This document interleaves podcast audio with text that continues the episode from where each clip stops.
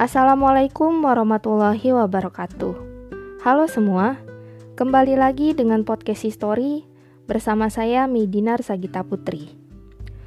Kali ini podcast History akan membahas mengenai satu tempat bersejarah yang ada di wilayah DKI Jakarta. Tempat ini juga merupakan salah satu masjid agung yang ada di Indonesia. Pembahasan ini saya rangkum dari beberapa sumber yang saya dapatkan di internet.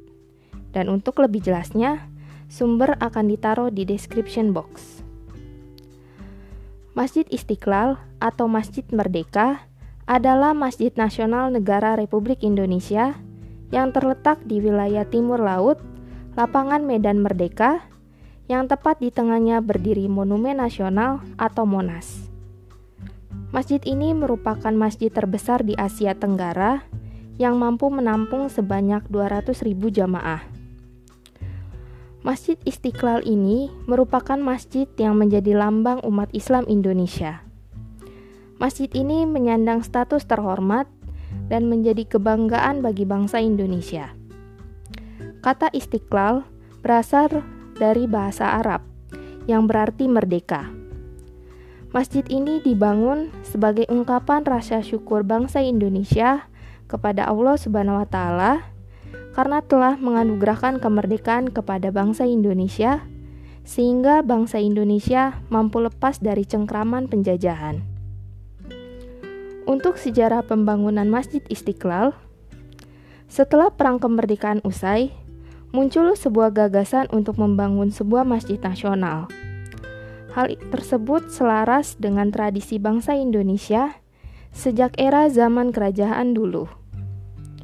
Tradisi tersebut ialah membangun sebuah bangunan monumental keagamaan yang melambangkan kejayaan negara.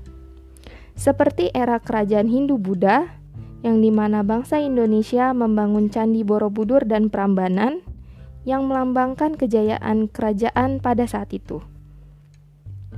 Karena hal tersebutlah, ketika Perang Kemerdekaan, muncul sebuah gagasan untuk membangun masjid yang agung dan pantas yang juga melambangkan predikat masjid di negara yang mayoritas berpenduduk muslim terbesar di dunia.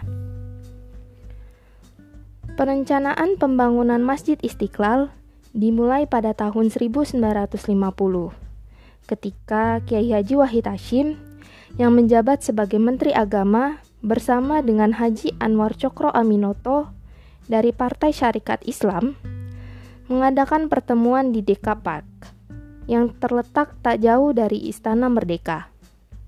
Pertemuan ini membahas mengenai pembangunan sebuah masjid. Akhirnya secara mufakat, Haji Anwar Cokro Aminoto terpilih sebagai ketua Yayasan Masjid Istiqlal. Pada tahun 1953, panitia pembangunan Masjid Istiqlal melaporkan rencana pembangunan tersebut kepada Presiden Soekarno dan beliau menyambut baik pembangunan masjid tersebut. Presiden Soekarno pun mulai aktif dalam proyek pembangunan Masjid Istiqlal setelah ditunjuk sebagai ketua dewan juri dan sayembara maket masjid yang resmi diumumkan pada 22 Februari 1955. Sejak saat itu, para arsitek dan perorangan mulai aktif mengikuti kegiatan tersebut. Namun sempat terjadi perbedaan mengenai lokasi pembangunan dengan wapres saat itu Bapak Muhammad Hatta. Bung Hatta menginginkan Masjid Istiqlal dibangun di area Jalan Husni Tamrin, sedangkan Bung Karno menginginkan Masjid Istiqlal dibangun di area bekas Taman Wilhelmina. Akhirnya dengan berbagai pertimbangan, pembangunan Masjid Istiqlal dilakukan di area bekas Taman Wilhelmina. Pembangunan Masjid Istiqlal dimulai pada 24 Agustus 1961, bertepatan dengan peringatan Maulid Nabi Muhammad SAW dan disaksikan oleh ribuan umat Islam yang datang dari berbagai penjuru. Adapun rancangan dari Masjid Istiqlal sendiri merupakan rancangan dari arsitek Kawakan, yaitu Bapak Frederick Silaban. Nah, Bapak Frederick Silaban ini juga merupakan arsitek yang ikut dalam pembangunan Monumen Nasional atau Monas. Pembangunan Masjid Istiqlal memakan waktu selama 17 tahun dengan biaya sebesar 7 miliar rupiah dan 12 juta US dollar yang diperoleh dari APBN pada saat itu. Proses pembangunan Masjid Istiqlal sempat terhenti akibat peristiwa G30 SPKI. Situasi politik kala itu yang tidak menentu menyebabkan proses pembangunan terhenti. Akhirnya, di tahun 1966, Menteri Agama saat itu Bapak Kiai Haji Muhammad Dahlan mengambil alih proyek pembangunan Masjid Istiqlal dan kepengurusan Masjid Istiqlal diambil alih oleh Kiai Haji Hidam Halid. Hingga akhirnya pada 22 Februari 1978, Masjid Istiqlal diresmikan oleh Presiden RI saat itu, yakni Presiden Soeharto, setelah 17 tahun proses pembangunannya. Untuk arsitektur Masjid Istiqlal sendiri, Masjid ini menggunakan arsitektur gaya Islam modern internasional, yaitu menerapkan bentuk geometri sederhana seperti persegi, kubus, dan kubus bola yang menimbulkan kesan agung dan monumental. Bahan-bahan yang dipilih pun merupakan bahan-bahan yang netral. Pola penghias yang digunakan pun menimbulkan kesan yang agung dan monumental.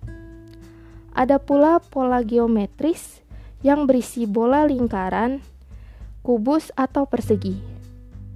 Pola ini selain digunakan sebagai penyekat dan jendela, juga digunakan sebagai unsur estetik dalam bangunan Masjid Istiqlal. Ada juga baja karawang yang digunakan sebagai jendela, lubang angin, dan koridor masjid.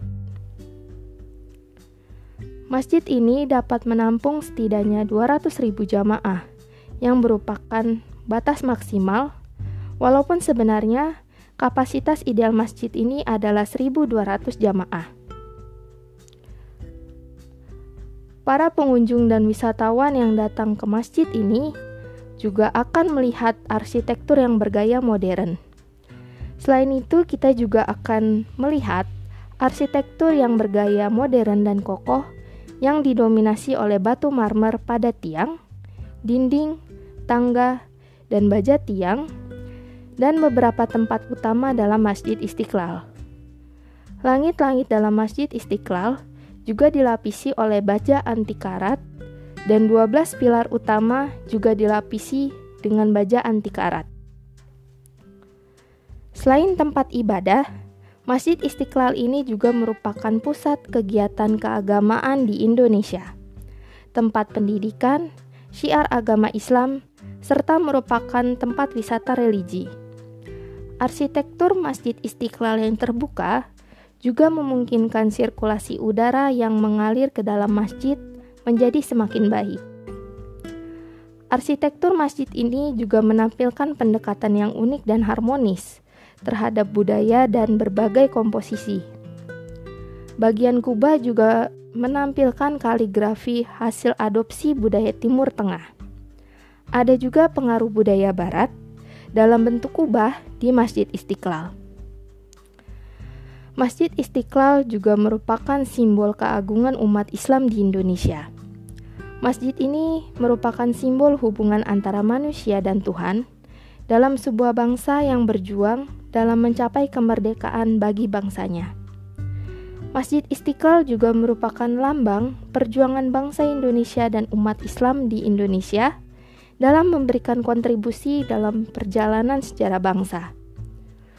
Bangsa Indonesia memulai perjalanannya dalam mencapai kemerdekaan dengan perjalanan yang sangat panjang dan penuh rintangan, dan umat Islam di Indonesia memberikan kontribusi dan mewarnai catatan sejarah dalam bangsa Indonesia. Masjid Istiqlal adalah lambang keagungan umat Islam di Indonesia dalam menjaga, merawat, dan mewarnai sejarah perjalanan bangsa Indonesia dalam mencapai satu kata yang berharga, yaitu kemerdekaan. Baik, sekian yang dapat podcast History sampaikan untuk hari ini mengenai pembahasan tempat bersejarah Masjid Istiqlal. Nantikan segmen-segmen sejarah lainnya yang akan dibahas dalam lain kesempatan. Jangan lupa like dan subscribe jika kalian mendengarkan podcast history via kanal YouTube. Terima kasih sudah mendengarkan, semoga bermanfaat. Salam.